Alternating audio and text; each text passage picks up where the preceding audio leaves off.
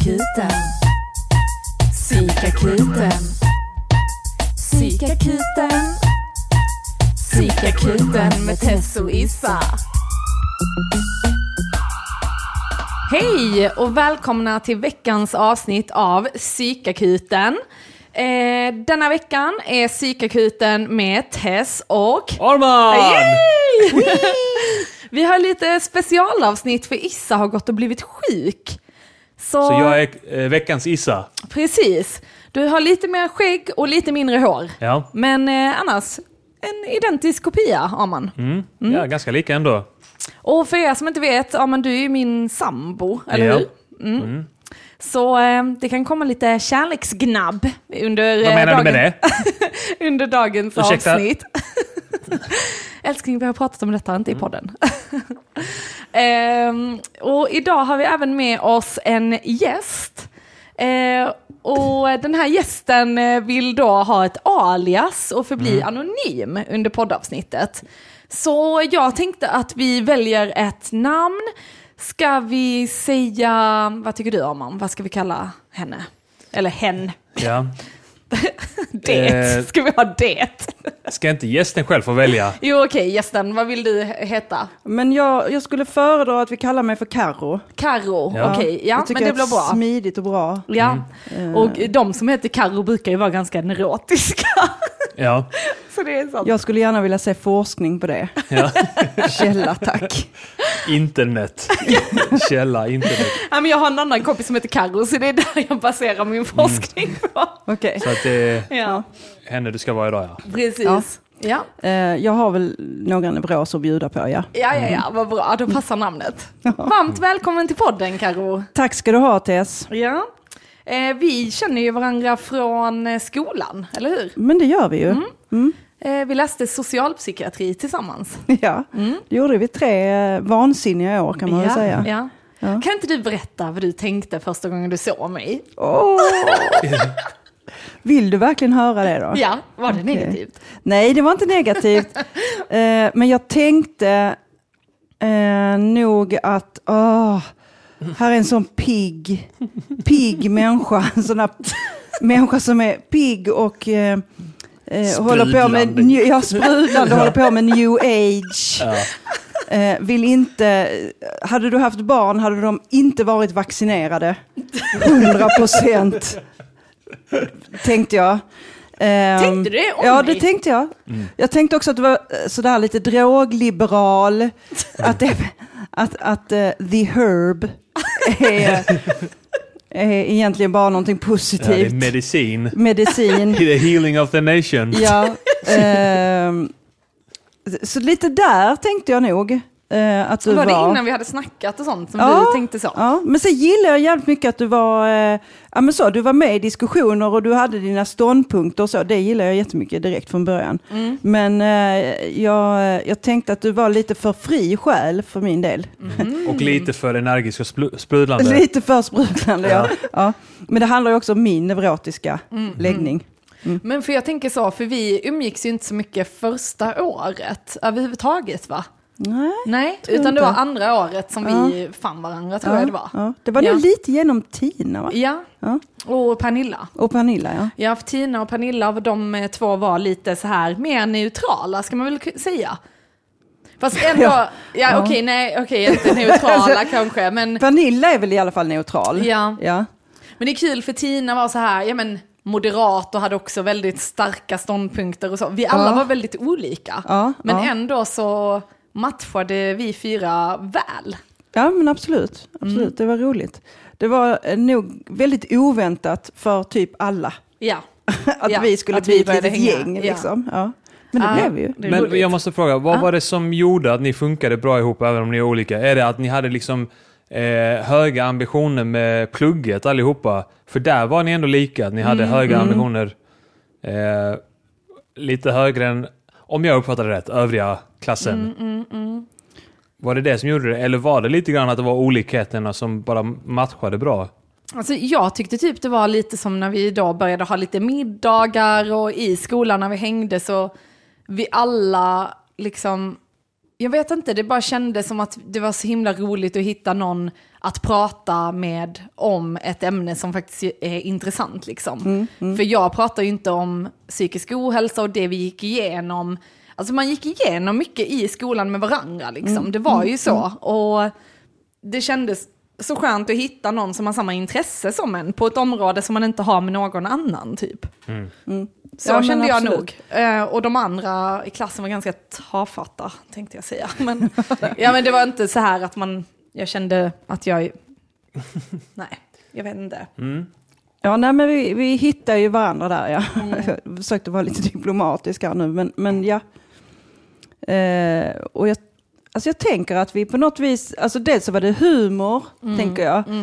Eh, så vi fattar ju snabbt att, att, eh, att vi hade samma humor, eller Ja. Alltså, ja, att, du, att du ligger med den, med den humorn och att jag med, att jag med inte gör det. Men, men, Men det var ändå, roligt för du är ju väldigt, alltså du är ju fan av Ja, så här, min, inte, inte min kille kanske? Eller, Jo. Eller, jo. eh, jo. Jo, jo. Oj, den börjar lysa rött älskling. Ja, men det gör Ja, inget. okej. Eh, det är en knapp här som lyser rött, Mm. men vi har ljudtekniker på plats och han säger det är lugnt. Rött är bra. Röda ljus. Ja. Nej men ja, du, nej men du var ju väldigt så, ja men lite fangirl liksom. Och så kommer jag där och var cool och bara, ah, det är ingenting. Jag kan fixa in dig gratis på stand-up.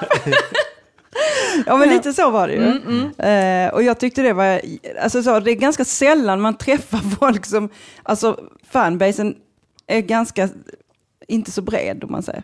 Mm. Eller det är den kanske nu, men det, inte då så mycket känns det som. För det känns som att det har mer så spridit sig de sista Åren. Ja. åren liksom. Ja. Men och, ja, men du driver ju en klubb som heter Under jord. Mm. Och det är ju en den, ja. stand-up-klubb. Ehm, ja, precis. Eh, här i Malmö. Ja.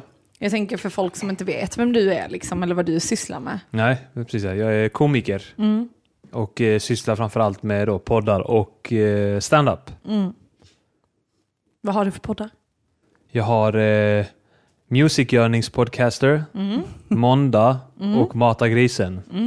Oh, ma- Alla. hur går det med Matagi? Finns det fortfarande? Det finns fortfarande, ja, ja absolut. Ja, ja. Det spelas in många avsnitt. Jag är inte med i många av dem bara. Nej, Men eh, någon gång i månaden. Men annars så släpper eh, Kim eh, någonting varje vecka. Mm. Han är jävligt bra på att hålla igång den. Ja, men, och det är ju särskilt, tänker jag, med stand-up. Alltså det är väldigt grov humor som ni sysslar med här i Malmö Mm. särskilt. Ja, det, Eh. det kännetecknar väl lite Malmöscenen att vi Ja. Skitar i. ja. Och väldigt så här, ja, men, jag personligen tycker ju det är väldigt roligt. Sen vet jag inte om det är för att jag har umgåtts med dig liksom. Mm, det har nog att det har Men du har, nog, präglats. du har nog egentligen alltid tyckt att det är roligt med grova Mm. skämt. Ja, antagligen. Jag tror alla tycker det egentligen. Jag vet inte, gillar Mia, Mia Skäringer det? Jag vet inte. Om hon Jo, men det tror jag. Ja. Det tror jag nog. Ja, Hon men fick ju jag tänk- årets satirpris. Ja, det är konstigt. Ja. Vad gör hon för satir? Jag fattar inte det. Men hon var nog, hon är, från början så kom hon ju liksom lite, an, alltså hon var ju en underdog från början. Mm. Kom från Värmland till ZTV typ liksom. Men tyvärr, tyvärr måste jag säga, för jag har verkligen gillat henne, men, men jag måste säga att eh, hon har en hel del fax to give, vilket eh, är lite tråkigt. Mm. När Och så de påstår att hon inte har det. Ja. Ja, hon bara no more, alltså nej, fast du Ja, har det är för more mycket. fucks given than ever. Exakt, alltså the, the fax are rolling om vi Ja. säger. Och det är lite tråkigt tycker Ja. jag. Med henne. Vi var så den här eh, och, det- och det kändes verkligen som eh, så här. Ja, det här såg vi på 90-talet. Det var Ja. de här sakerna vi pratade om då. Ja. Eh, hon tar inte ens upp att hon själv faktiskt är en del av det etablissemang som hon är ganska kritisk mot. Eller hur? Och där är hon ju, alltså hon är ju jättelä, hon har ju en av Sveriges största poddar med, med Mannheimer till exempel. Mm. Det måste man ju som komiker göra någonting av. Annars så blir det ju bara en elefant i rummet liksom, tänker jag. Mm. Så eh, Men det är nog en ganska vanlig eh, process, hela den här grejen att komma som någon underground-komiker och vara lite så här fuck you i etablissemanget. och, eh, Så här och, men sen så blir man ju sakta, det är en sa, långsam process, så blir man ju, om man, är, om man blir framgångsrik så blir man ju det själv. Och Ja. då, men jag tänker att hon tjänar ju bra pengar på sin turné och sånt där. Så, gud ja, ja, så det är ja. väl klart att hon gör den grejen. Ja, Liksom, ja. och, och det är klart att hon framställer sig själv som att vara emot eh, etablissemanget och sånt där. Ja, nej, och, och jag, alltså så, det är, alltså ingen skugga ska falla över henne på det viset, för jag menar det är jättemycket folk som älskar henne. Mm. Men för min del så kände jag bara så att nej, det, det är för mycket fax liksom. Mm. Det, Ja, jag hade, hade nog önskat mer. Att det var mindre fax. Ja, Ja, ja, ja, ja. men att det inte var fler fax to give på riktigt liksom. ja, ja, Ja. jag fattar vad du menar. Ja. Så, ja. Mm. Men det, ja, det säger också en hel del om vem hon vill vara. ja. Och, eh, men att hon inte riktigt har vågat vara det. Eller så här, ta steget till att inte ha några fucks to give. Nu blir det väldigt mycket fuck och give här. Men, men, eh, ja. Men det är också det livet handlar om i stort, mm, skulle jag säga. Mm. Att komma fram till den punkten att man har inga fucks to give. alltså det, det känner jag, för jag kan känna så här att jag vet egentligen, alltså så här, eller så som jag ser på livet så tänker jag så, äh, allting händer av en anledning, liksom, ska jag ha det där jobbet så kommer det att ske, jag behöver inte, alltså att jag är ganska chill i mina tankar. Och sen när det kommer till verkligheten så är jag helt neurotisk har jag märkt nu. Alltså jag går runt nu, alltså jag har precis eh, sökt jobb och fått fast anställning. Som Grattis, jag- det måste vi fira! Ja. Ja, ja man har firat varje dag. Ja. Vadå med sådana jättenkakor eller? Nej, Jävlar, bara vad som helst. var vad som helst. Ja, Vi jag- drack sånt bubbel häromdagen och sen så åt vi sushi häromdagen och sen, Ja. ja, var- skämmer bort mig nu. Varje Ja, dag det- ska vi fira så det har blivit ett litet internskämt här. Ja, varje gång jag inte orkar laga mat och, så, se- och vi går ut och äta så säger jag oh vi måste ju fira att du har fått en fast anställning. Vi går ut och äter. Men, Och där var jag så liksom, för då ansökte jag ju om jobb på mitt nuvarande jobb liksom. Det var en ny anställning som öppnade upp. Och alltså jag har ju varit så nervös och alla jag jobbar med och till och med min chef har varit så, "Ah, men sluta, lägg av liksom, chilla. Och jag har ju varit så, oh my god, kommer jag ens få en intervju? Alltså haft panikångest på kvällarna och jag är ju Ja. ändå chill Ja. pill i vanliga fall. Ja, men inte längre, inte längre. Nej. Du är det i Vad teorin. händer? I teorin, men inte Ja. i praktiken. Ja men det är lite så också när man blir äldre så blir man lite dum i huvudet. Ja. På det viset att att helt plötsligt så vet man allt som kan hända. Alltså ju mer man lever desto mer ser man risker liksom. Och har man någon liten sån neurotisk nerv så, ja. Alltså för så jag, ramlar ju det liksom. jag har ju aldrig haft, alltså jag kan ju inte alls relatera till när folk pratar om ångest.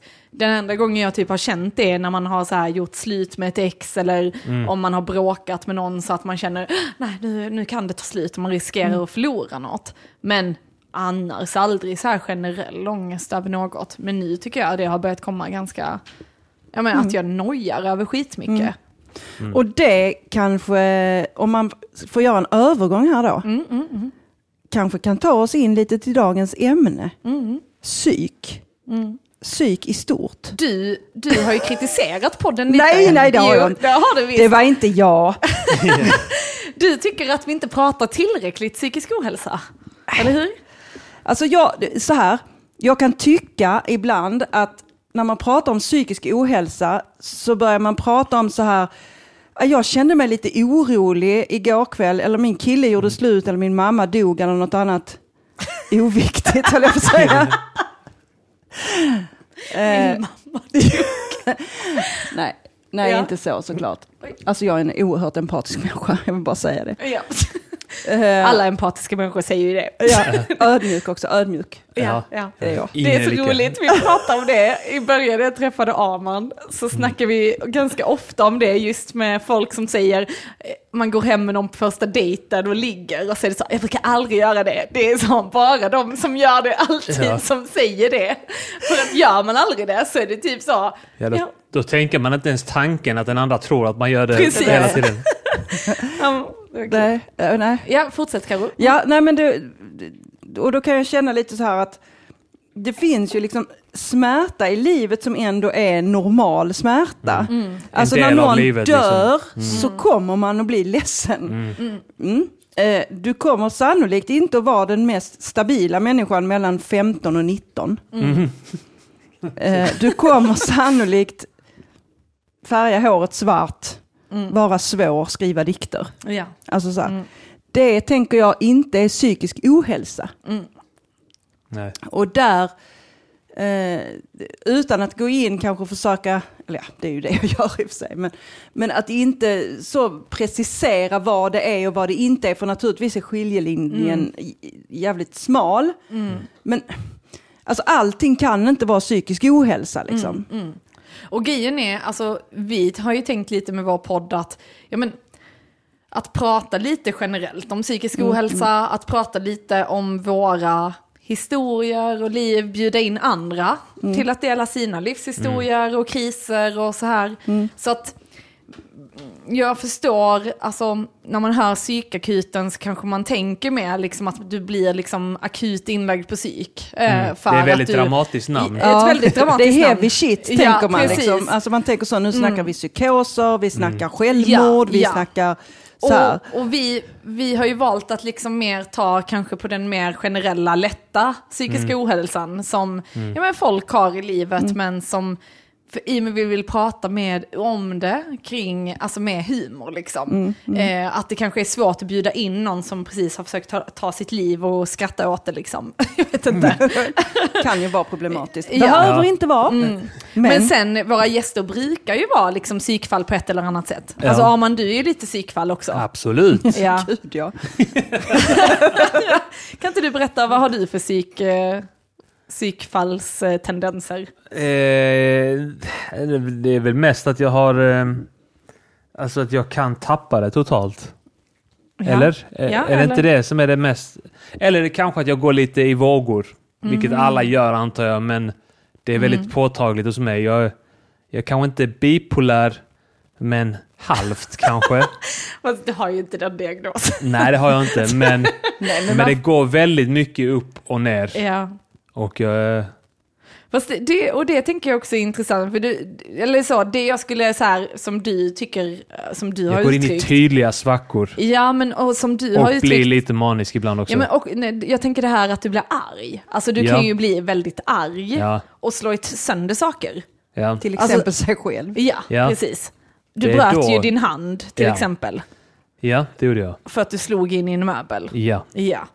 Och där tänker jag så, jag är ju inte uppväxt med sådana, liksom, att man blir så arg, till Nej. exempel. Min mamma har ju kunnat få psykbryt, liksom stå och skrika, men ingen har kastat grejer eller slagit i dörrar eller alltså så här. Nej. Det har inte varit så dramatiskt på det sättet. Men ehm, sen är jag väldigt skammad sen min barndom istället. så att där, jag vet inte. Kvinnor, jag vet inte, jag har inte lika säkra siffror som du har på det här med karoneurosen, men, men eh, kvinnor har, jobbar ju gärna med skam. Ja. Ja. Mm. Eh, så är det ju ofta. Eh, men jag tänker... Alltså, Medan män jobbar med våldskapital ja, och men exakt. Ja, Ja. ja. Mm. Eh, det är lite mer effektivt på ett sätt. Men eh, jag tänker också att det finns en så eh, mentaliseringsproblem, liksom. Eh, kanske mer än bipolaritet, tänker jag, det här att, Mm. att inte liksom kunna Alltså att man går in i sina känslor så himla mycket liksom. Mm. Och inte liksom, riktigt förhåller sig till dem. Utan känner jag en känsla så bara wow, är jag där och känner hela känslan. Liksom. Mm. Eh, och det har ju varit ett stort problem för mig också. Mm, eh, Med att eh, med att inte kunna liksom på ett vuxet sätt så förstå hur jag själv fungerar. Mm. Utan jag bara så kastas in i känslor och så blir jag arg och så blir jag... Det är ju inte så lätt liksom. Nej, och jag tänker så här, vi pratar ju mycket om samsjuklighet i skolan till exempel. Mm. Och det innebär ju att man väl har flera diagnoser, eller Mm. som går in i varandra lite. Till exempel om man, eh, ja, men, om man är deprimerad så kanske man självmedicinerar med droger. Mm. Och så kanske du utvecklar ett missbruk och helt plötsligt har du depression och missbruk. Mm. Men i missbruk är det också vanligt att man får depression för att du är i ett missbruk. Mm. Så att, ja, men, det går lite hand i hand. Medan då sjukvården eh, skiljer på psykisk ohälsa och, missbruksvård. ja. Alltså att det blir... Det är Ja. olika instanser som jobbar med, med det. Och där blir det ju problematiskt om du då ska, är, är i missbruk och så får du ut ångestdämpande preparat. Då, det föder ju bara mer ångest, alltså för att du är i ett missbruk. Så Och det, det är ju jättestora problem med det. Mm. Eh, För du jobbar också inom missbruk. jag jobbar inom missbruk, Mm. yes. Eh, och där ser jag ju liksom verkligen det du beskriver, att människor som har problem med eh, med beroende kommer in och eh, så har man andra diagnoser eller så kanske man inte har, alltså det är uppenbart att här är det något annat som är problemet. Mm. Men de har inte ens hunnit blivit utredda än, för att de har inte hunnit vara nyktra. Mm.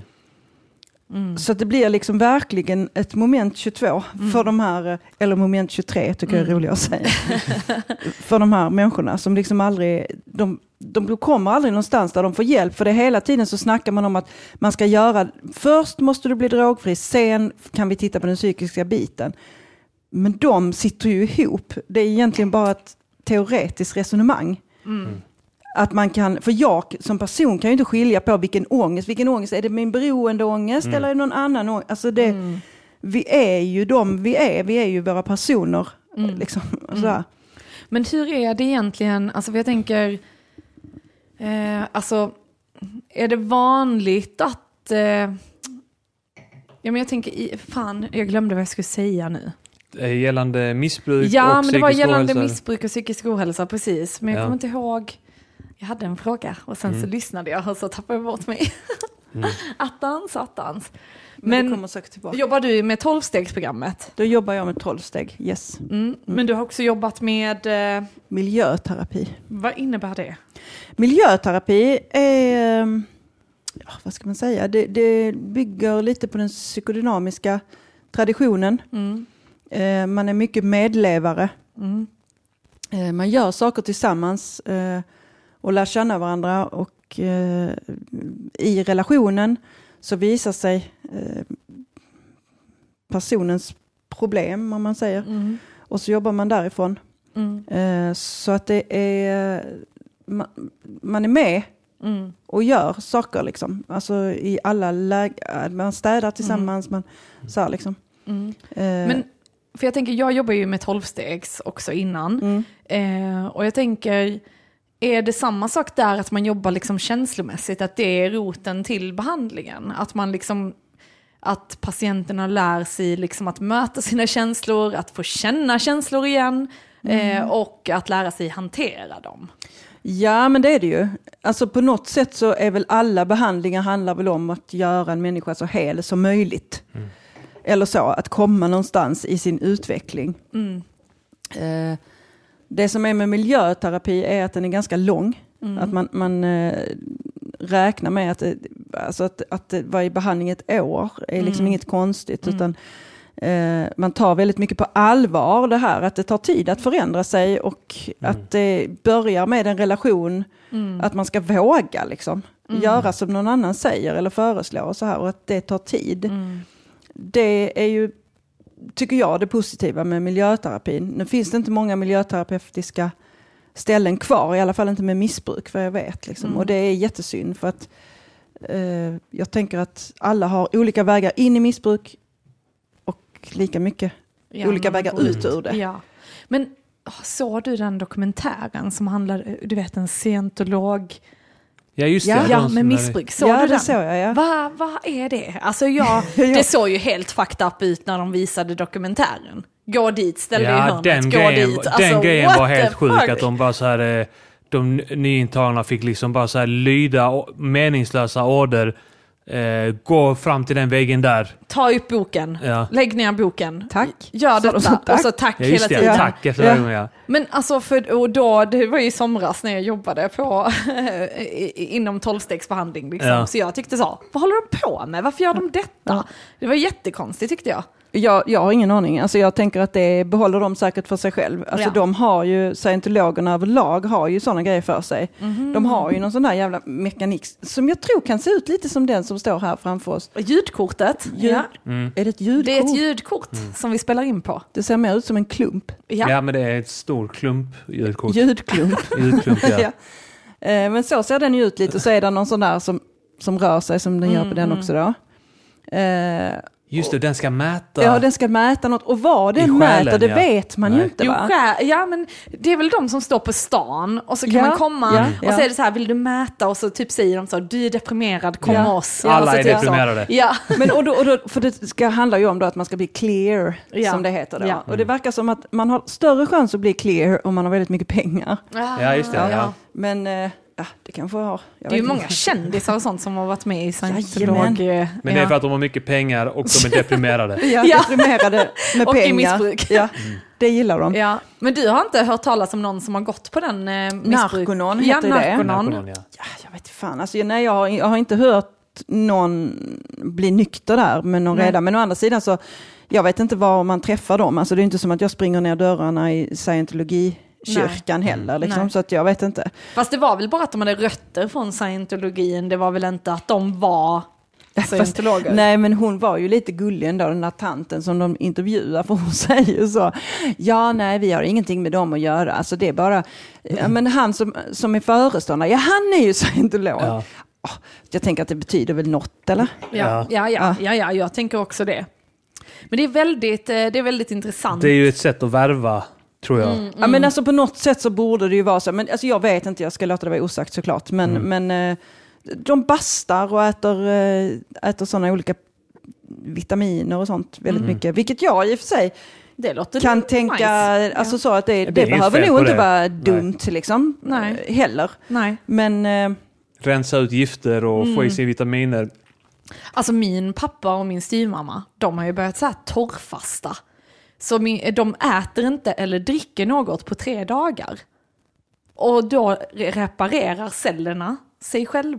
Alltså Ja. typ att det är därför, det är ju därför man fastar liksom. Ja. Eh, och i vanliga fall kanske man gör fastan genom att inte äta något och sen kan du göra periodisk fasta där du bara har ett visst antal timmar per dag du Ja. äter. Ehm, men de har gjort så här torrfasta och sen så dricker de massa shakes och vitaminer. Och min pappa är helt vithårig liksom. Och han berättar nu att hans hår börjar komma tillbaka till den bruna färgen som han hade innan han blev gråhårig. åh nej, det är så Twin Peaks. Ja men typ, alltså, så han menar på nu att hans kropp håller på att reparera sig så jäkla bra. Och så går de en mil varje dag. Och, alltså, ja, det är häftigt. Och de är väl ändå, vad är de, 57 nu. Mm. Ja. Är intressant, intressant. Whatever rose your boat, som Ja. man säger. Men jag tänkte höra, eh, eh, Karo, skulle inte du kunna berätta lite eh, om din livshistoria? Lite grann. Jag tycker den är väldigt fascinerande. Ja. Jag fick ju höra den när vi gick i skolan ihop, eller hur? Ja. Och då delar jag även med mig av min. Ja, Mm. och där kunde vi hitta lite så gemensamma. Det var också en, en sak som faktiskt, eh, Förde oss nära. ja, att vi Mm. kunde så prata om det här att göra en resa i livet liksom. Ja. Nej, men vad ska jag säga, alltså jag, jag eh, lyckades ju eh, utveckla ett, eh, ett beroende. Eh, Tess försöker rätta till mig här med den här stora mikrof- ja. mikrofonen som jag känner mig så jävla apart med. Låt den vara en del Jag tycker av du har dig. bra mickteknik. Ja, Ja, ja. ja. Ja, ja. nej, jag tycker det känns bra också. Lyssna på ljudteknikern här. Ja, ja. Mitttekniken. Eh, nej men jag, jag hade ångest tidigt i livet. Hur tidigt? Ja, alltså jag minns att jag hade ångest eh, redan någon av de första minnena jag har så hade jag ångest. Alltså att jag, jag var orolig för att jag inte skulle klara av saker. Jag trodde att människor krävde av mig att jag skulle fixa saker som jag liksom inte fixade. Eh, och då var jag jätteliten, alltså fem kanske. Mm. Så. Oj, ja. Eh, så redan där så var jag ett väldigt oroligt barn. Liksom. Mm.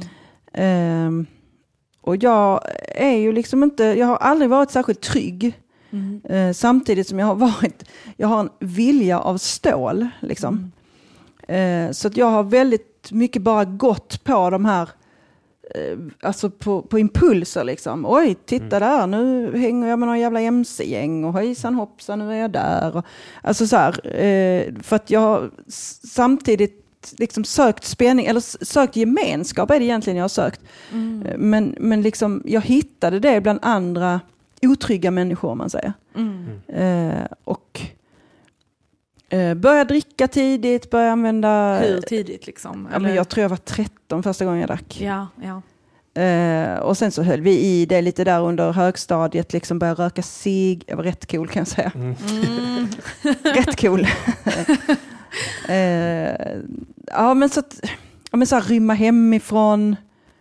Och, och det Var gjorde- rymde man då? Eller, alltså, Alltså, jag har vi, rymde det. ju till, nämligen. vi rymde ju till, till Arlöv bland annat. Där vi hade, vi hade lite så här äldre karar som var men kanske så 19-20, liksom, som hade egna... Men 14. vi var 14 liksom. Ja. Mm. Eh, Och då sov ni där liksom? ja, ja, då stack vi dit där och så, så satt man där och drack med dem. Liksom. De kanske skar en i... Va? hand. Ja, men det, är så jävla konstigt. Liksom, att de, för de, på något vis så här i, i retrospekt så kan jag liksom verkligen se hur de bara så levde ut sin, sitt tufferi. Liksom. Bara- Så jag vet en kille, han satt och, och skar in nice trip på mina händer liksom, med någon jävla kniv. Det är väl jättekonstigt. Eh, ja, Ja, det är skitkonstigt. Det är också, hade han skurit sig själv så hade det varit mer imponerande.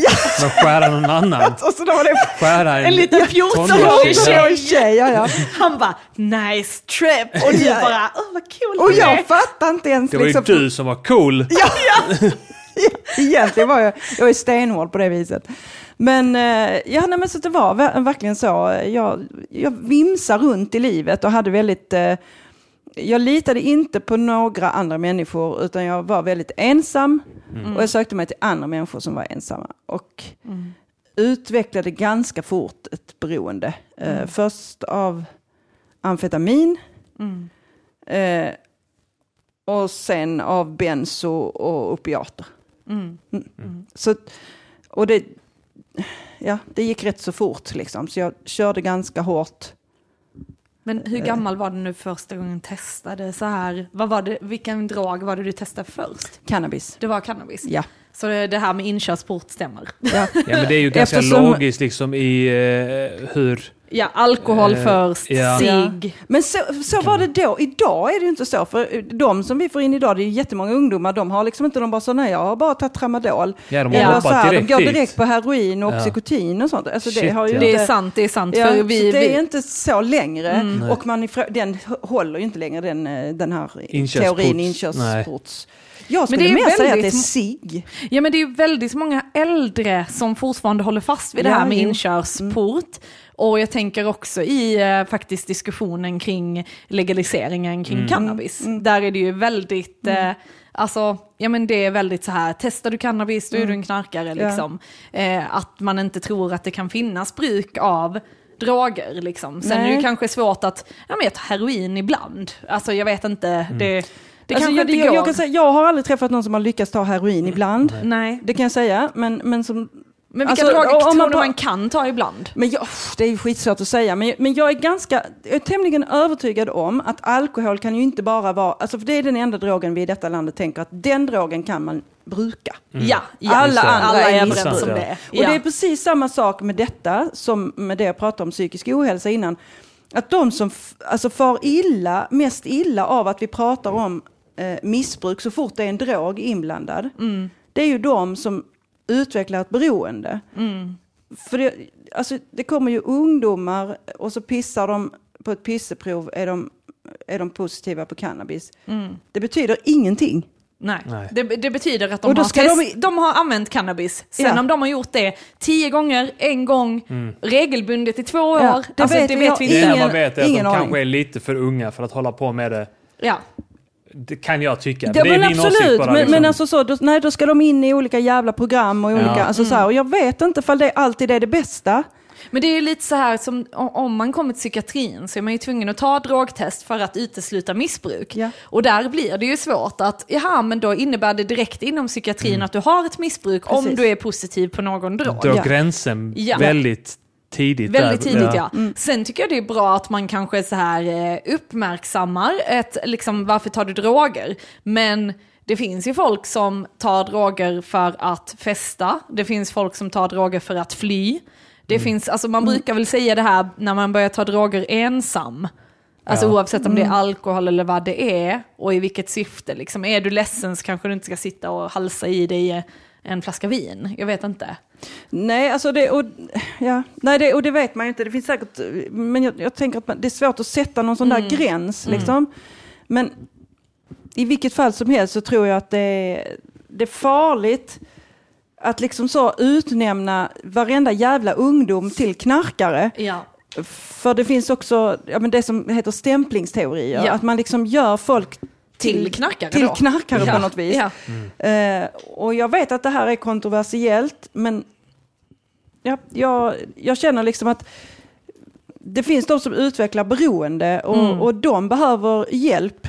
Men hur Eh, definierar du beroende?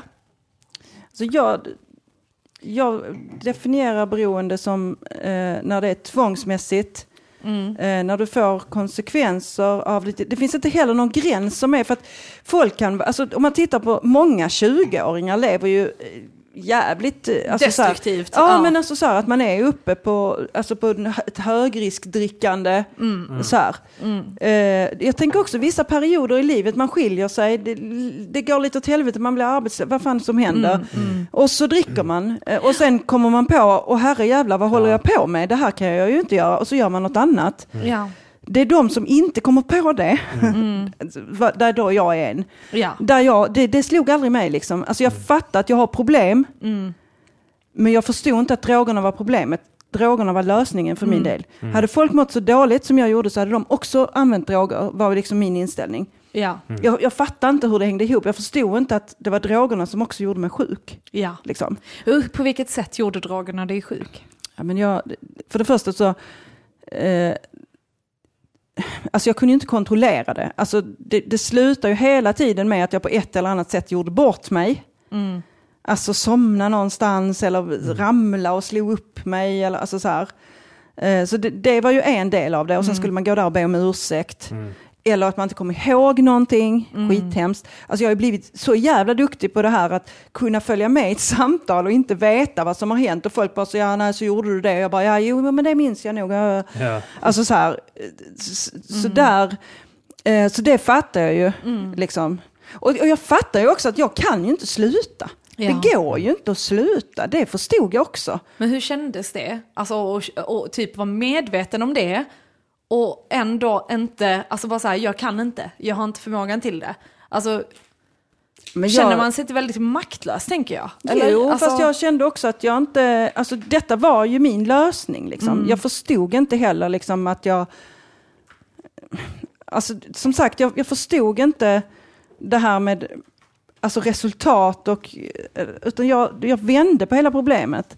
Jag mår så dåligt, alltså måste jag ha droger. Ja. Det, det är det som är, eh, och, och därför kunde jag liksom inte förvå mig och sen, och sen fanns det nog också en, en tid när, jag, när det lite så gick över att man bara så, att jag accepterade så, ja nej men vad fan, ja men jag är väl beroende av droger då, herregud. Det Jag är kan väl, inte hålla på och oroa mig för det. Nej, utan det är väl så jag är och, och, och, ja. och, s- och då blev det lite lättare ett tag. Mm. Eh, och, och sen så då, men, men det svåra var ju det här med att det hela tiden gick åt helvete. Eh, Vad var det som gick åt helvete? Alltså så typ så här, var det att du fick ännu mer ångest? Var det att du förlorade lägenheter? Ja men det att- var, det, det var ju, eh, det var det ju. Eh, Alltså alla sådana saker. Men, men om man tänker på det inre så var det nästan värre. Liksom. Att jag, på något vis så förruttnades jag inombords kändes det som.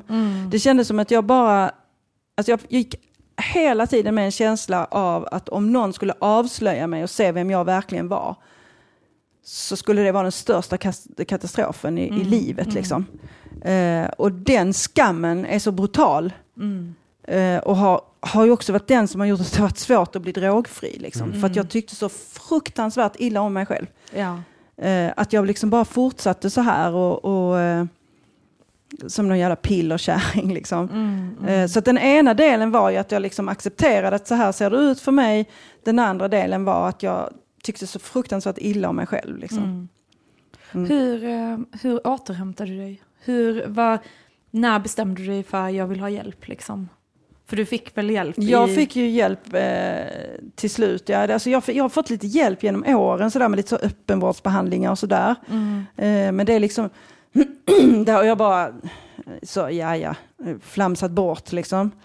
Eh, men, men det var väl så när jag, alltså så jag var uppe i sådana enorma doser eh, med benzo speciellt. Eh, och, och, och liksom jag kunde inte, när jag märkte att jag kunde inte längre Alltså jag, det gick inte att, hantera dem. Alltså så jag, för jag har ändå kunnat så genom åren så har jag kunnat så sänka dosen, höja dosen, alltså lite så här. Plötsligt gick inte det längre. Och hur mycket jag än vräkte i mig så mådde jag fortfarande dåligt. Så det, det var väl lite så att drogerna slutade fungera. Ja. Och så försökte jag hålla mig borta från opiater och så gick inte det. Och så, bara- så blev det ju skitjobbigt. För du tyckte väl också när du slutade med opiaterna, eller vad var det? Ja men du slutade med det värsta och sen så var det att du körde på med cannabis och benzo.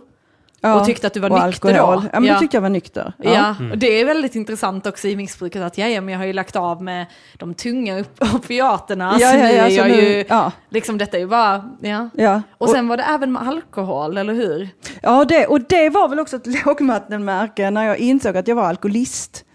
Alltså när jag vaknade en morgon, för- för då, vi började supa hårt på slutet av mitt missbruk där. Och då vaknade jag en morgon och var helt skakig, bara kände fan jag måste ha något att dricka. Och då fattade jag så, shit nu är jag fan i mig alkis också.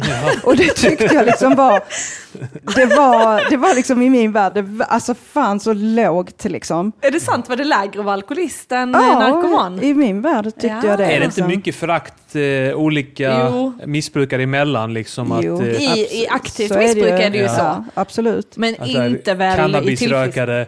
Tycker att det är smutsigt med kemiska droger. Exakt. Och de som tar kokain eller tar Ja. tjack tycker att, att eh, cannabisrökare är jävla flumhippies. Eller så här, att det, Exakt. Ja, det var exakt så är det. Ja. Ja. Det finns Och då- alltid något sämre svin Mm. liksom, ja. Som man kan titta på. Och det är samma det här med sprutor och så. Och sen Ja. när man väl har börjat med sprutor, ja men då bara, ja, nej men alltså det är bara löjligt att de, de tror att de är bättre för de inte håller på att spruta. Ja. Ja. Alltså, man bara, alltså det finns liksom, Vänta ni bara. ja exakt, det kommer ändå bli så. Ni Ja. kommer sitta där sen och då, det är bara löjligt att hålla på och röka det, det, det blir bara Mm, dyrt. Alltså, Ja, men alltså, och det tycker jag är väldigt intressant för de pratar ju mycket om i alltså, behandling om att ja, men, bara för du inte är hemlös och sitter på en parkbänk och super eller knarkar så innebär det inte att du inte har några problem. Utan du kan ha en villa i Limhamn och sitta, alltså din parkbänk är där hemma liksom. Så att, ja. Men fortsätt, ja, ehm, med historien här. Ja, Ja, men du- jo, nej, men så, och så skulle jag ju bli drog, alltså, drogfri då, tänkte Mm. jag. Och det, det här med cannabis är också roligt, liksom, för jag har egentligen aldrig, dri- alltså, jag har aldrig gillat att röka det Nej. särskilt mycket. Liksom. Utan det har bara blivit att jag har gjort det. Och det är också så konstigt, liksom. men, men hjärnan är så, alltså man är så knäpp. Man tänker liksom. bara att ja, men jag måste ha något utifrån som kan göra att jag känner det bättre inifrån. Liksom. Ja, men på Ja. något vis är det, ju, är det ju det som är. Och för min del så blev det verkligen så här att alltså så, första gången jag drack, redan första gången så bara kände jag det här är min grej. Det här är liksom, det här är perfekt för mig. För helt plötsligt så slapp jag mitt malande jävla huvud liksom. som jag sen har förstått är ångest. Liksom. Och ja, Men okej, så när du valde, alltså efter alla öppenvårdsbehandlingar genom åren och så, när du blev nykter, hur gammal var du? När? 31. 31. 31 Ja, var jag. och hur gick det till? Ja men då gick det väl till så här att jag, för då, mellan varven så har jag varit inne på NA och svängt och sådär liksom. Eh, och, eh, Och det är anonyma narkomaner. anonyma narkomaner. Och jag ska vara tydlig nu med då att jag representerar inte dem, utan jag representerar mig själv som en medlem Ja, i NA. du Liksom. är fortfarande medlem. Jag är medlem i NA Ja. fortfarande, absolut. Eh, men, men vi, ja. Va, nu har jag glömt Ja frågan. men vi, eh, ja men eh, vi. Nej, när du blev nykter. När jag blev nykter. Ja, då gick, Mm. du in, gick du in i behandling. Ja, det gjorde jag till slut. Jag försökte först själv Mm. eh, och vara drogfri. Eh, genom att gå på möten. Mm. Eh, men det funkar inte riktigt, utan jag återföll. Mm. Eh, för att det blev för jobbigt. Mm. Liksom. Mm. Eh, så då gick jag till SOS och sa att nu får ni skriva in mig på en behandling. Och det gjorde de. Mm. Eh, Och där var det väl också att de ville skriva in dig på Subutex-programmet? ja, de började prata om, om eh, LARO där som var, ja, som var nytt då. Ja. Liksom, ja. Kan inte du berätta vad det är för folk som inte vet? Men LARO är ju, det är väldigt utbyggt nu, det var inte det då. Nej. Nej. Eh, det har funnits sedan 60-talet, Ja. alltså metadon. Ja. Så. Sen kom Subutexen, Suboxon som det är nu då mest. Men, men det är ju det här som är, kallas för underhållsbehandling. Mm. Som är en, en behandling som man helt enkelt ska få. Eh, Ja men kemiskt heroin kan man väl säga? ja, kan man väl säga att det är. Ja. Ja. Alltså heroin är ju ganska kemiskt också. Det, Ja. det, är Ja, inte som, det. Ja. det finns inga sådana heroinplantor. Ja, ja precis. Nej. Ja. Men, eh, men det är en, en Medicin en medicin liksom, Ja. som man kan, och det finns ju folk som funkar på det. Liksom. Ja. Men jag var väldigt inne på att jag ville gå 12 steg och det fick jag. Mm. eh, och var i behandling i ett halvår. Mm. Eh, och det var jättejobbigt och mycket bra. Mm. Eh, ja, så, det, så det var där jag blev nykter så att säga. Mm. Men du hade en jävla motivation själv från början. Ja men det hade jag. Och där hade Ja. jag verkligen så, alltså glädje av mitt eh, jävla psyke liksom. Alltså att jag är så, alltså jag, jag var så säker, alltså jag förstod verkligen att antingen så dör jag eller så Mm. gör jag någonting annat. Mm. Jag Ja. förstod verkligen att det här, det här kommer inte att hålla längre. Ja. Liksom. Eh, Så att jag hade ganska små förväntningar på livet. Jag, för jag var helt övertygad om att nu kommer jag leva skitliv. Det kommer bli så tråkigt, så tråkigt, så tråkigt, så tråkigt. För jag kunde liksom inte se jag förstod ju det här med, eh, för alkoholen hade ju då fällt mig, för jag tyckte så, vad fan, klart jag kan dricka alkohol. Men då lyckades jag ju bli alkoholist då också, så att jag fick den lilla erfarenheten. Mm. Eh, så då kunde jag gå in liksom hela och fatta så, nej jag kan inte ta någonting. Mm. Och det var en jättesorg. Liksom. Och jag, jag, jag kunde inte förstå hur jag någonsin skulle ha roligt igen. Nej. Det kunde jag inte se. Liksom. Mm. Eh, men, men jag tänkte skitsamma, jag får väl ha tråkigt då. Men Mm. ska jag vara vid liv så får jag liksom Mm. sluta nu, för det här går inte mer. Mm. Liksom. Alltså jag, fick, jag hade sådana jävla minnesluckor till slut, så att det, alltså det kunde gå två veckor utan jag knappt visste vad jag hade gjort och så. Det är, Oj, ja, obehagligt. det är jätteobehagligt liksom. Ja. Och, och man är eller alla människor... du har- hade väl inte så roligt egentligen kan man väl säga? Nej, men det var alltså så, ha roligt med drogerna var ju liksom, det var ju många år sedan. Alltså det är ju Mm. klart man kunde skratta och snacka liksom. Mm. Men, men eh, det är ju bara, Mm. det är bara något utanpå liksom. Mm. Mm. Så jag var ju en oerhört olycklig människa Ja. inne i. Mm. Mm. Lärde du dig älska dig själv i behandlingen? Jag Nej, tänker du nej, det berättar om ditt inte. självförakt. Ja, nej det gjorde jag inte. Det tog många, många år. Ja. Eh, det tar mer än sex månader att, att liksom ett, att ett, så, att ett så gediget självförakt ska ta slut tar jävligt mycket längre tid. Liksom. Mm. Eh, så att nej, det gjorde jag inte. Men däremot så fattar jag hur jag skulle hålla mig drogfri. Alltså jag förstod så här att om jag inte tar någonting så kommer jag inte att bli påtänd. Det var liksom en, eh, Mm. alltså så här, någonstans så förstod jag att valet var mitt. Mm. Mm. Eh, och att jag började få ett ansvars... Alltså jag förstod, alltså det här med ansvar började komma till mig. Jag Mm. hade liksom, I slutet av missbruket så var jag så, det kändes som livet bara levde med mig. Jag hade liksom Mm. inget, inget att säga till om utan allting bara hände. Ja. Och det lyckades Du har inte jag bryta. kontroll över Nej, ditt inte eget alls, liv. Liksom. inte alls. Ja. Utan livet bara är och jag bara försöker förhålla mig i olika Mm. krissituationer. Så kändes ja. det. Ja. Och det lyckades jag bli av med. Mm. Liksom. Så att jag började förstå så att, ja men vänta, jag kan ju ta kontroll över mitt liv. Mm. Ja. Hur länge är det du har varit nykter nu? Eh, 13 år. Ja.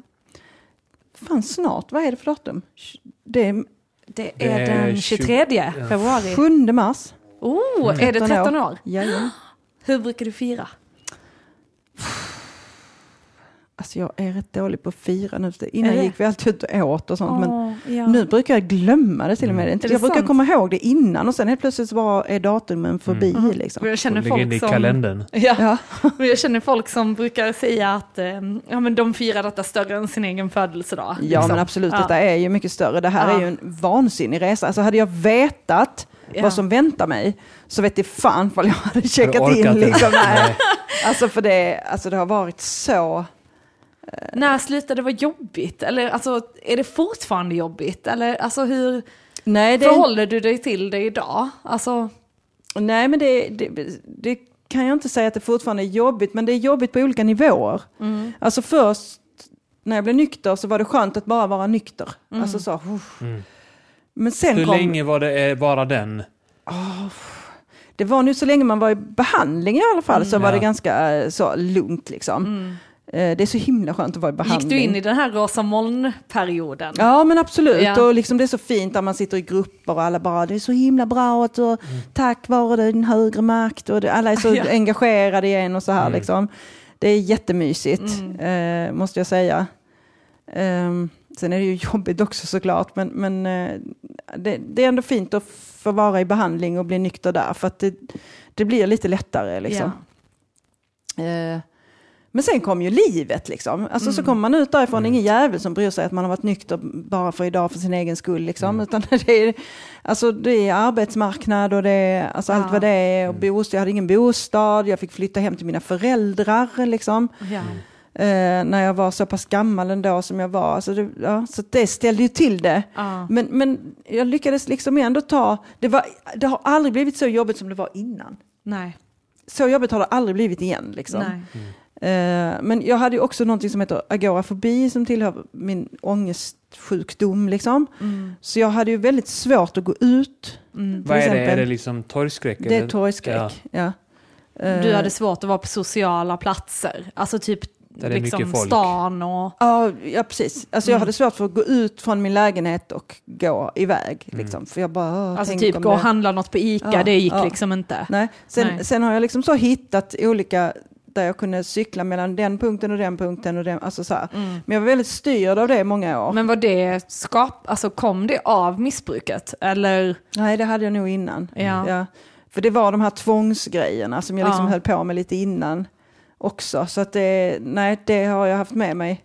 För du, alltså jag ser ju dig som en väldigt social person. Ja. Alltså verkligen. Och du är väldigt framåt, du är öppen, du är ärlig, du, alltså, du är inte rädd för att säga vad du tycker direkt. Och alltså jag menar, ja, jag vet inte, det, det är så svårt att se att du skulle ha varit på ett annat sätt. Alltså faktiskt. Men det, jag kan verkligen förstå det. Alltså det. för Så kan jag tänka ibland med mina, så, mina kompisar i NA till exempel. Man bara, men vad fan, vem var du innan liksom? Ja. Men, men det som är med mig är väl att jag har en, alltså en väldigt hög känslighet. Eh, som jag idag tar hänsyn till själv. Vilket betyder att jag bjuder inte in människor på samma sätt. Eh, på ett osunt sätt. Att jag bara, oh, hallå där är ni. Utan jag bjuder inte in människor som inte är bra för mig. Om man Mm. Hur säger. vet du det? Ja, det- Issa och jag har snackat om det Ja. väldigt mycket. Det här att sätta gränser, att känna av, att inte behöva liksom... Alltså jag har ju tränat stenhårt i 13 år på Mm. att låta mina känslor vara vägvisande. Ja. Alltså när jag blev nykter hade jag ingen aning. Jag blev rädd för varenda känsla. Jag tyckte det var skitobehagligt. Särskilt när det var lugnt. Jag bara, okej nu känns det som jag är påtänd. Alltså jag kunde liksom inte... Jag var så van vid att det alltid var så rivigt inne i mig liksom. Så jag hade jättesvårt för det. Okej. Men så har jag tränat på liksom så här, vilken känsla är det jag känner nu? Hållit på mycket med sånt. Vilken färg har denna känslan? Du vet, jag fick ringa och fråga. Du, det känns så här nu, det känns som att det är något jättestort i magen som är så, bara, ja men det är nog rädsla. Ja, det är rädsla, okej, okej. Jag hade ingen Ja. aning. Ja. Ingen aning. Men du har aldrig liksom lärt dig eh, identifiera eller eh, handskas med Nej. de känslorna? Jag har lärt mig att man tar bort dem. Mm. De har ingen betydelse. Känslor är ingenting man ska hålla på med. Liksom. Såg du det som en svaghet att känna? Ja, gud ja. ja. ja. Som fan alltså. Och, det, alltså så, och det är det jag kan känna ibland idag också. Liksom, att jag, jag, är ju, jag kan ju köra på hur hårt som helst jättelänge. Liksom, för att jag har en oerhörd vilja. Men jag kan inte rent psykiskt för jag blir så trött och då får jag ännu mer ångest. Liksom. Så det går inte, det har jag fått lära mig den hårda vägen.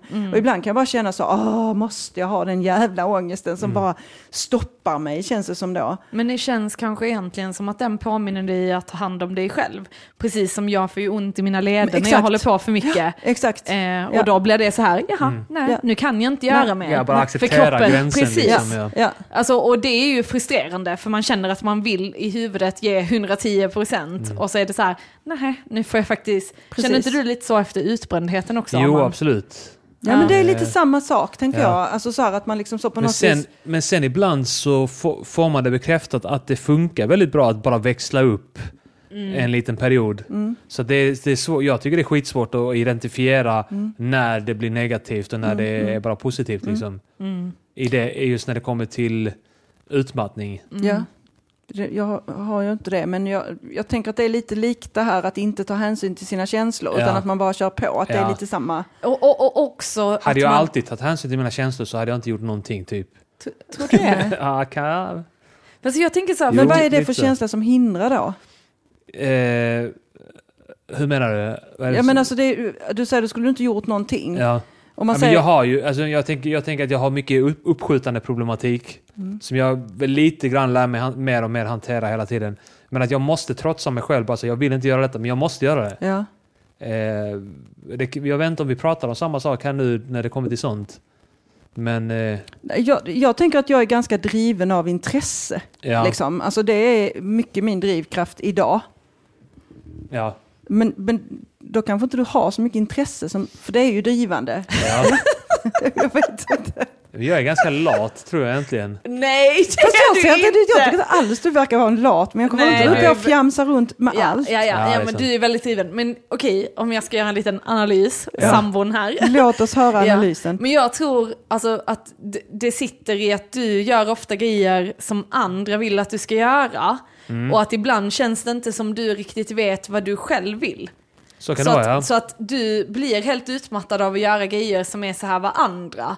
Alltså ett exempel är att min mamma och hennes kille var här idag och har Mm. liksom städat, satt upp eh, hyllor. Det är och också Arman, helt sjukt. Ja, och Arman har liksom varit med här och hjälpt till. Mm. Men egentligen är det ju inte något du vill göra. Nej. Men du gör det. Sen så kommer en kompis och säger, men du, ska du inte spela in ett poddavsnitt? Och du bara, jo, jag hakar på det. Så är det så.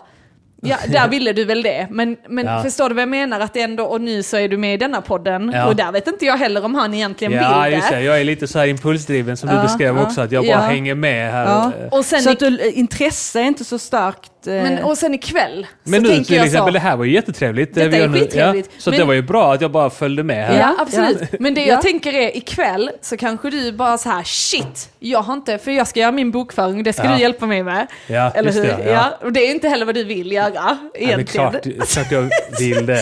Ja, du gör det för du Jag älskar älskar mig. Självklart. Bokföring, det är därför jag, Ja. det är därför jag sa upp mig och började jobba på egen hand. Det är för att jag vill, det här med bokföring verkar så jävla kul. Ja. Ja, jag, sa att jag tycker det är jättesorgligt, för jag är ju bara vanlig anställd, men jag funderar på att starta något eget bara för att få Åh, bo ja. Välkommen Ja. till frihet! Ja, Det verkar så fräckt liksom. Det är åh, momsdeklaration i februari och sen deklaration i maj. Alltså de här månaderna är de bästa på året. Men det kan ju vara, för grejen är, du har också ett jobb som innebär att du måste prestera. Mm. Och det innebär ju att, alltså till exempel, du har ju försökt öva på att men nu sätter jag av förmiddagen till detta, Mm. eftermiddagen till detta och kvällen till detta. Men sitter Arman på förmiddagen och han inte har inspiration, då blir det ju inget gjort på förmiddagen. Nej. Och då blir man stressad, för ja, att sen är det ja, deadline. ja. Och sen ska du leverera, och det är ju där, du får ju otroligt mycket adrenalin. Hela tiden Hela ja. tiden. Och det är ju där det blir, alltså jag menar varje torsdag när han har liveinspelning och podden ska förberedas, då Ja. är du ju väldigt nervös, lättirriterad, har liksom så här shit, tänk så går det åt helvete. Ja. Mm. Och att ha den känslan en gång i veckan med bara den podden, sen är det andra poddar. Alltså det, det måste ändå ta mycket tänker jag på kortisolnivåer och Alltså stressfaktorer. absolut. Jag blir Ja. stressad bara jag hör det. Men sen också så är det... Eh, Jävla på, ett annat frihet! sätt, på ett annat sätt så tror jag också att det är där människan trivs bäst. Alltså att... Eh, att eh, hela tiden... Jo men om du tänker det, vi är ju fortfarande, vi har inte evolverat någonting sen stenåldersmänniskor. Och jag menar, de hade ju hela tiden, alltså de var ju hela tiden och var tvungna att göra någonting. Men Eh, vänta, ta har vi inte den här nya hjärnan? Stor, den här hjärn... Tjock... Du kanske har, men inte jag. Jag har den jättegamla hjärnan. Han är islänning. Det är faktiskt sant. De är helt har De har inte utvecklats Jag tror, Nej. jag tror jag är typ såhär 20% neandertalare. Ja, ja nej, risken finns ju för det. Jo, men alltså, och där tänker jag i alla fall att det blir liksom, ja. Jo, men många blir ju, jag tror många blir deprimerade av att inte ha ett driv i livet eller någonting att de måste eh, leverera eller måste liksom eh, jobba ja, för sitt liv. ja. Ja men drivet Kämpa kommer ju inte av sig själv, tänker jag. Alltså även om jag tänker så här, ja men jag vill göra en utbildning till exempel. Jag vill göra den här utbildningen. Så måste jag ju ha någon känslomässig drivning i det. Mm. Annars kommer jag ju inte orka sitta och plugga till en tenta. Nej, nej. Alltså jag Nej. måste ju Shit, ha ja. Mm. intresse eller ja, skuld och skam för den delen ska man väl inte Underskatta, i det, i det Nej. läget Det är väldigt intressant för jag är ju en sån person som verkligen så här, vi har en hemtenta och jag försöker skriva. Alltså från timmen hemtentan kommer så sitter jag med den Mm. och läser och läser och läser och läser och jag kan inte skriva ett ord. Två dagar innan den ska in, Ja. då kommer det. Paniken ja. Paniken, och Ja. då skriver Ja. jag jävlar i det vad jag skriver. Ja. Och jag lämnar in den en minut innan. Ja, Bam! Mm. Och alltså det har varit en fruktansvärd vecka. ja. Och där, där är ju inte, jag skulle inte kunna ha det så. Jag skulle gå sönder om jag hade det så. Jag måste ju börja, jag är ju oftast klar två dagar innan. Ja, men jag blir aldrig klar. Varför blir jag inte klar? Det är precis som att jag inte lyckas. Sen kanske det är att jag aldrig liksom... Fast du blir ju klar. Ja. Du får ju lämnat in den. Det är Ja. bara det att vi har olika vägar dit. Ja, men jag gillar inte den vägen. Jag skulle också, alltså sen hade vi ju då Tina i klassen som skrev den på en dag. Ja. Och man bara sa, men hur är det möjligt? Ja. Alltså jag fattar liksom inte. Och sen har vi de som bara, alltså Pernilla var ju i vår klass, hon var så att hon inte ens, hon började sista dagen. Mm. Och så skrev hon den på den dagen. En skillnad. Tina har barn. Ja. Hon, tving, hon har tvingats lära sig att eh, ta tag i saker när hon kan. Tror jag. jag tror att det gör rätt mycket faktiskt. Det är enda nog eh, människor. Men, men sen tänker jag också att, jag vet inte, Tina är inte så väldigt känslostyrd om Nej, man säger. nej. För det är liksom lite, ett av mina mål nu för tiden är att låta mina känslor vara vägvisare i livet. Att inte jag i min hjärna ska få för mig en massa grejer, att nu ska jag göra det och jag ska göra detta och jag ska... Utan att, att jag faktiskt sa, men hur känns detta? Hur, hur är det med... Och, och då blir det mer finlir. Och fan vad mycket trevligare livet är. När jag har den kunskapen om mig själv. Liksom. Va, det livet du har haft nu, du har ändå lägenhet, du har en utbildning, du har fast jobb, du Har har, sam... jobb, Har du inte, är det inte fast? Nej, Nej. det är Ja, du ville bara rubba in att Vilka- du har ett Ja. fast jobb här. Hon bara, du har fast jobb. Nej just det, du hade Schysst, inte fast nej. jobb. Nej, Nej, jag trodde alla hade det. knark? Är det för att jag är en knarkare? är det därför? Men okej, Tack men som du har... fan. Ja. men du har ändå liksom, jag menar, och du har relation och du har eh, liksom, ja. Eller är det Ja, ja, ja. också? Eller? Nej, nej, nej, nej. Han är kvar. Just rub it in. Ja, ja. Du har två papegojor. Två papegojor. Ja. Men alltså hur, hade du kunnat föreställa dig att det kunde bli så här? Aldrig. Nej. Aldrig, aldrig någonsin. Och hade du kul igen tänker jag? Alltså så här, den rädslan, jag kommer aldrig ha roligt. Ja. Ja, vad känner du?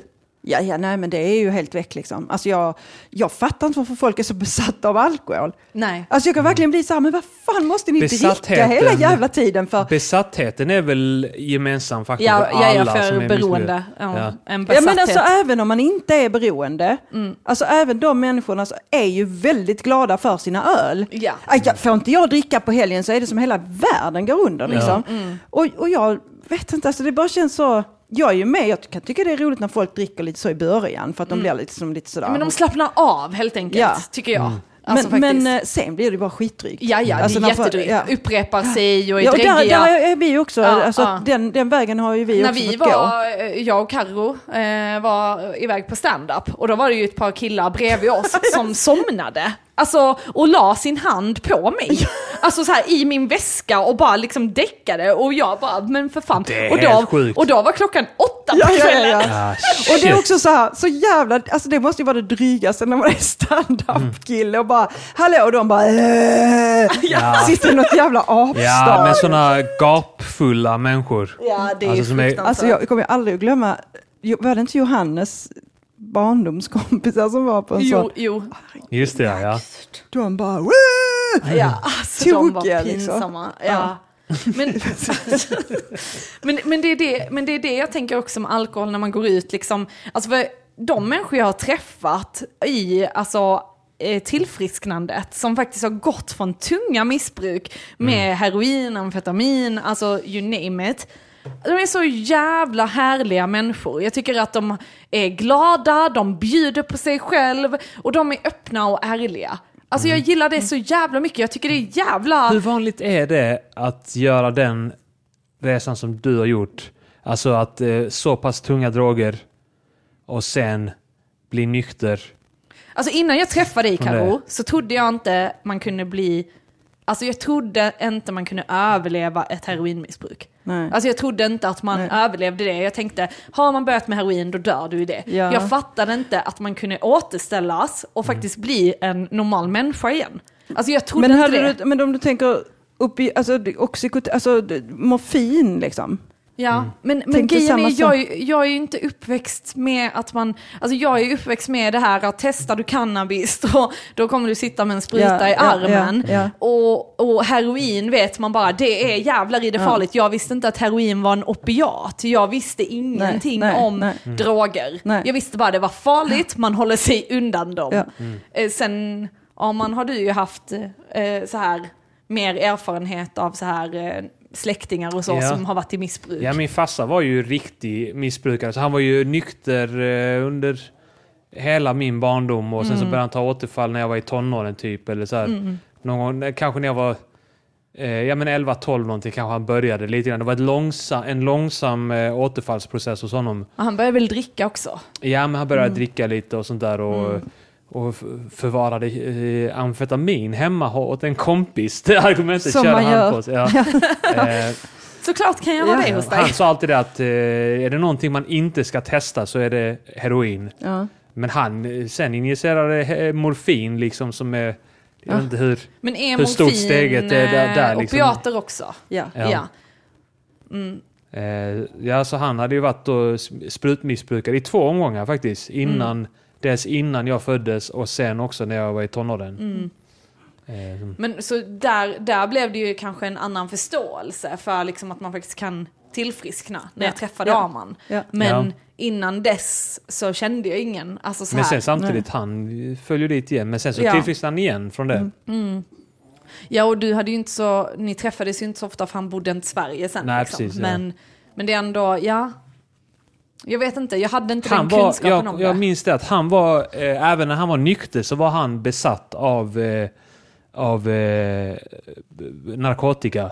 Av droger liksom. Mm, han skrev en bok till och med. Ja, då var han ju mitt uppe i sitt missbruk. Han var, eh, tog tjack och var uppe hela nätterna och skrev Ah. på boken och så här. Ja. Men, eh, men även när han var helt nykter. Ja, Amfetamin, ja, men till vilket pris? Undrar vad det står i den boken. ja, jag har faktiskt inte läst Alltså, tänk den. så är det så, en hyllning till amfetaminet. Nej, liksom. alltså grejen Nej. är att det är, han, det, är en, det är en självbiografisk bok där han inte är självömkande utan Mm. alltså, tar upp liksom tunga grejer som har hänt honom men ganska lättsamt och, Mm. och med humor och så här. Eh, så mycket har jag förstått men jag har inte läst boken själv för jag Mm. har ADD. Men blir det du inte, känns- blir du inte, alltså jag hade ju velat läsa den Ja. nu, vill jag läsa den boken. Ja. Mm. Jo, Den är jag- på jag ska. isländska. Ja, det är inga problem för mig. Ja. Nej, du klarar det. Du klarar Det det. är- Men Att jag, för, jag har ju haft islandshästar. Ja. ja, just det. Ja.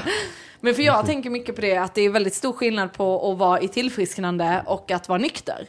Ja. Vilket folk faktiskt kanske inte riktigt verkar förstå, tycker jag. Alltså att det Mm. verkar vara så här, ja men är man nykter så är man nykter, men om du tittar på en, hur en återfallsprocess ser Mm, ut, så handlar det ju ofta om att du går ur, alltså Mm. det som jag har, eller det som jag tycker är gemensamt för de människorna jag har träffat, som har varit nyktra, det är att de också har varit i tillfrisknande. Mm, Och att de då är glada, positiva, eh, tittar mycket inåt istället för att skylla Mm. på andra människor. Medan de som inte är tillfrisknande har gemensamt, och då tänker jag oavsett om det gäller missbruk eller psykisk ohälsa, Mm. men att det handlar om att jag är ett offer, det är alla andras fel, livet bara händer mig, Ja. jag har ingen makt. Nej. Oj vad alla är dumma till mig. Det är att inte vara i tillfrisknande. Mm, Sen om det handlar om att du har psykisk ohälsa eller missbruk eller vad fan. Ja, Ja. Men, men jag tänker att, alltså, för det första så tänker jag ju att missbruk, eller beroende, är en Psykisk psykisk ohälsa. ohälsa. Ja, Vad fan är det annars? Ja, alltså, det är ju inte som att det är någon... Alltså, det är ju Ja, nej, det är ju, det är är ju en tvång, ett liksom? tvångsbeteende. Ja. Egentligen som, likadant som det... Alltså, Du tar någonting som dödar dig och du kan inte sluta. Nej. Liksom. Ja. Mm. Och du har det som en lösning, precis som anorektikern har sin lösning genom Ja. att inte äta. dödar dig. Eller, Ja. eller de som håller på med sån här träning, ortorexi eller vad det heter. Alltså det, det, det är liksom lite samma grej som, som vi håller på med.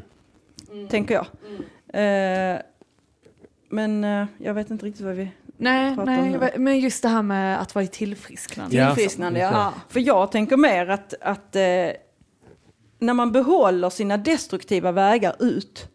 Mm. Alltså för att det här med tillfrisknande och återfallsprocesser det är väldigt tolvsteg man pratar om Ja. det. Liksom. Men även om du inte är i tolvsteg så Mm. tänker jag att, att eh, om du har ett missbruk, du slutar ta eh, vad du nu eh, tar, Mm. men behåller ditt, eh, ditt, din besatthet av sex Ja. till exempel. Mm. så har du fortfarande en destruktiv del Mm. som blir styrande i ditt liv. Och det är ju där problemet är. Liksom. Mm. Och det är väl det man också säger missbruk, att det skiftar skepnad. Mm. Så att säg att du dricker skitmycket och så slutar du dricka, men då shoppar du istället jättemycket. Mm. Och, det, och det är ju tolvstegs, där, där är ju sjukdomsbegreppet då som vi pratar om i tolvsteg. Mm. Precis. Att det är ju ut, alltså det, det finns inte forskning på det. Mm. Eh, men däremot så finns det väldigt mycket erfarenhet. Mm. Eh, Tydlig, fack, eller så tydlig statistik, eller vad man ska säga. Ja, men på alltså det. så, för människors erfarenhet av saker väger inte särskilt tu- tungt. Inte, Inte inom vetenskapen. Nej, för där, nej. Då, då börjar man snacka om anekdotisk bevisföring. Ja. Precis. Samtidigt som man säger att, att eh, evidensbaserat ska vara, det ska vara forskning, men det ska också vara alltså, den erfarenhet som finns. Den Ja. biten har helt fallit bort, liksom, Mm. vilket är jävligt tråkigt. Eh, sen passar inte tolvsteg alla. Nej, Eh, absolut. För det, det kravet för tolvsteg är ju att man vill ha det. Vill man inte ha det så kommer det inte att funka. Nej. Liksom. Och då, Motivationen liksom måste finnas. Ja, alltså så att man känner att det här är en framkomlig väg. Mm. Och jag tänker så, det, det finns ju människor till exempel som har men man kanske har väldigt svårt att vara i grupp, Mm. till exempel, alltså av olika anledningar. Det kanske blir svårt Mm. att vara i, i, i tolvsteg. Ja, vad vet Men jag? sen så, alltså för jag läste den här eh, boken eh, av Craig Necken. Mm. Eh, vad heter den? Beroendepersonen. Eller beroende... Beroendepersonlighet, ja just det, Ja. jaget och missbrukaren Ja, hette den en precis gång innan. Och där beskriver de sjukdomsbegreppet och de Mm. går igenom liksom alla olika, liksom, eller olika former. Och där står det också så, liksom just att gruppterapi, alltså varför Mm. är gruppterapi effektivt? Jo, för att när man har gruppterapi så har du inte kanske dina själv där uppe, du sitter och lyssnar på någon som ger någon annan feedback och helt Mm. plötsligt pratar de om när du pratar om dig själv Karo så pratar du helt plötsligt att jag kan identifiera Mm. mig i det du säger. Och då blir det så mycket mer effektivt. Medan man pratar om just att sitter du med ett, eh, alltså att du är beroende och du sitter med en terapeut, då kan du använda dig av dina försvar, din manipulation, eh, förnekelse och hela den biten. Och jag tycker det är intressant för att vi på mitt jobb jobbar vi ju med liksom yttre instanser som då man går till en terapeut. Och det tycker jag är väldigt intressant, att man inte alls jobbar då med ungdomar, att de får gå typ i 12 steg istället. Men, men finns det inte rätt så mycket forskning på att ungdomar inte ska vara i grupp när de börjar få problem? Utan att man ska ha ja, men om dem de en och blir en? då i tillfrisknande tänker jag. Alltså om de ska ja, gå in... fast det är, ju, alltså, det är ju inte heller så lätt att veta, tänker jag. Ja. Alltså, för att man, man kan Det ju är ju ha väldigt en hög smittorisk. Alltså till exempel Ja, har vi precis. någon som börjar självskada, då kan det bli en smittorisk Ja, på det. precis. Har vi någon som är i aktivt missbruk, då kan det bli en smittorisk Ja. på det.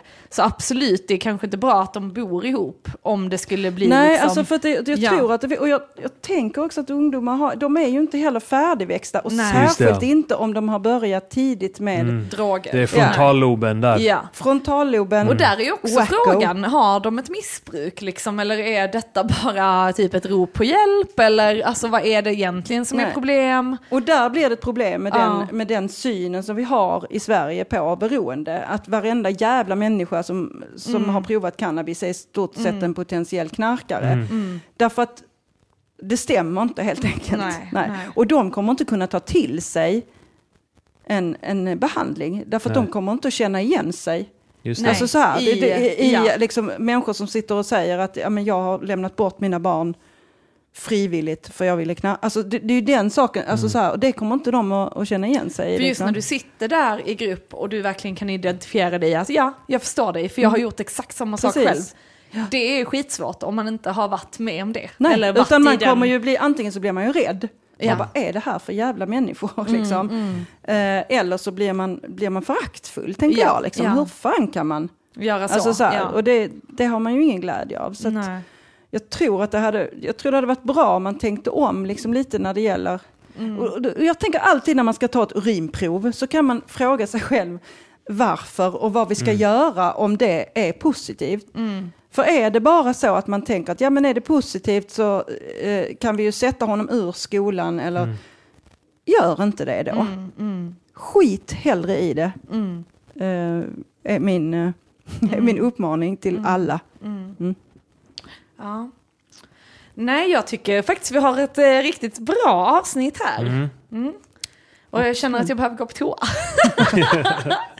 Ska vi följa med in Ja, eh, Ja, vi tar med Eller vi tar med hela ja. den här eh, Klu- ljudklumpen. ljudklumpen. Ja. Ja men tack Arman för du har varit stand- stand-up tänkte jag Ja, säga nu. stand-in. Stand-in Issa. Ja. Du gjorde ett mycket bra jobb. Tack så mycket. Ja, och tack så jättemycket alias Karo för att du ville komma hit och prata lite och dela med din historia som är helt fucking fantastisk. Tack ska du Jag är ha. så stolt över dig faktiskt, du är så jävla cool. Jag har fortfarande lite svårt att ta det. Ja. Jag känner att jag sitter här och så, Det är föraktet mot dig själv som är lite kvar. lite kvar. Lite Jag kvar att nog- jobba med. Ja, ja, ja. Jag blir aldrig klar. Ja, nej, tack så jättemycket för att du ville komma och Mm, faktiskt tack, dela med dig. Eh, jag fick tjata länge, men till slut gjorde vi det. Jajamän, jajamän. Ja. Och om inte detta är ett Patreon-exklusivt avsnitt Mm. så får ni gärna gå in och stötta den här podden på patreon.com psykakuten. ja, bra Issa. Ja. Ja. Det är viktigt att ni gör det om, Mm. ni vill, eh, om ni vill stötta den här podden. Absolut, absolut. Och eh, ni kan hitta mig annars på Instagram, art by björk. Eh, jag är ju också konstnär och min Facebook-sida heter art by björk som ni jättegärna får titta in. Ja. Jag eh, har ingenting där man kan hitta mig. Jag har inga försök inte. Du stand-up vill shower. eh, förbli anonym. Jag tänkte gå och se K. Svensson. ja. Eh, prima ballerina. Ja, jag kommer Fan, inte ihåg när fan är. det var heller. Så att, eh, men eh, jag kände ändå att jag ville vara med i det här Ja, ja, ja. infomercial, Ja. som jag har förstått är viktigt. Ja, Jo men det kan man rekommendera för han är så jävla Ja. bra. Han, han är fruktansvärt rolig. bra, en Ja. väldigt rolig människa. Ja. En av mina favoritkomiker. Ja, ja. Definitivt. Vilken är den sämsta komikern då? Nej, det kan vi inte ta här. Man Det får blir, inte säga det. det blir- jo, man får säga det om det är någon sån Jag kan inte säga om det är Nej, våra det vänner. Det är nej, nej, det är klart. Nej men det är ingen av våra vänner. Det kan väl inte Nej. vara någon av dem som är den sämsta. Nej, jag vet inte. Ja, men det är svårt att säga för att jag menar Vi vet sämst inte då kan det ju vara någon rookie som, Ja. som dels är orutinerad och inte har någon känsla Ja. för Du det. fattar Men det. precis vad jag menar, vad jag är ute efter. Jag är ute efter att vi ska säga det, att det är han den Stockholm, vad heter han, som drack. Som drack. Som är så tråkig. Raw-killen. Va? Jaha, aning. Mårten Andersson? Ja, han är Jaha. väldigt rolig. är han det? Nu blir detta lite inte. för internt Han är inte- han är inte- Han är inte sämst, skulle jag inte säga. Nej, nej, okej. Detta, detta tar vi off cam, tänkte Okej, jag säga, vi tar off off mic. cam. Off Ja. mic. Ja, nej, jag bryr mig inte. Jag är inte en del av Stockholmsscenen så jag Nej. skiter i Jag är ju det. Ja, men jag tänker Ja. att våra lyssnare skiter helt i detta. Ja, det är det är mer sant. det. Ja, men jag är ju intresserad. Fast det är skvaller. Skvaller Alla gillar skvaller, ja. Särskilt psykmänniskor, skulle Ja. jag säga. Psykiska människor är väldigt sjuka jävlar. Ja. Då är jag riktigt var liksom jag är lite- hal is då, för jag älskar skvaller. Ja, ja, ja, men vi. Okej, men eh, tack så jättemycket för denna gången. Ja, tack själv. Tack. hej. hej.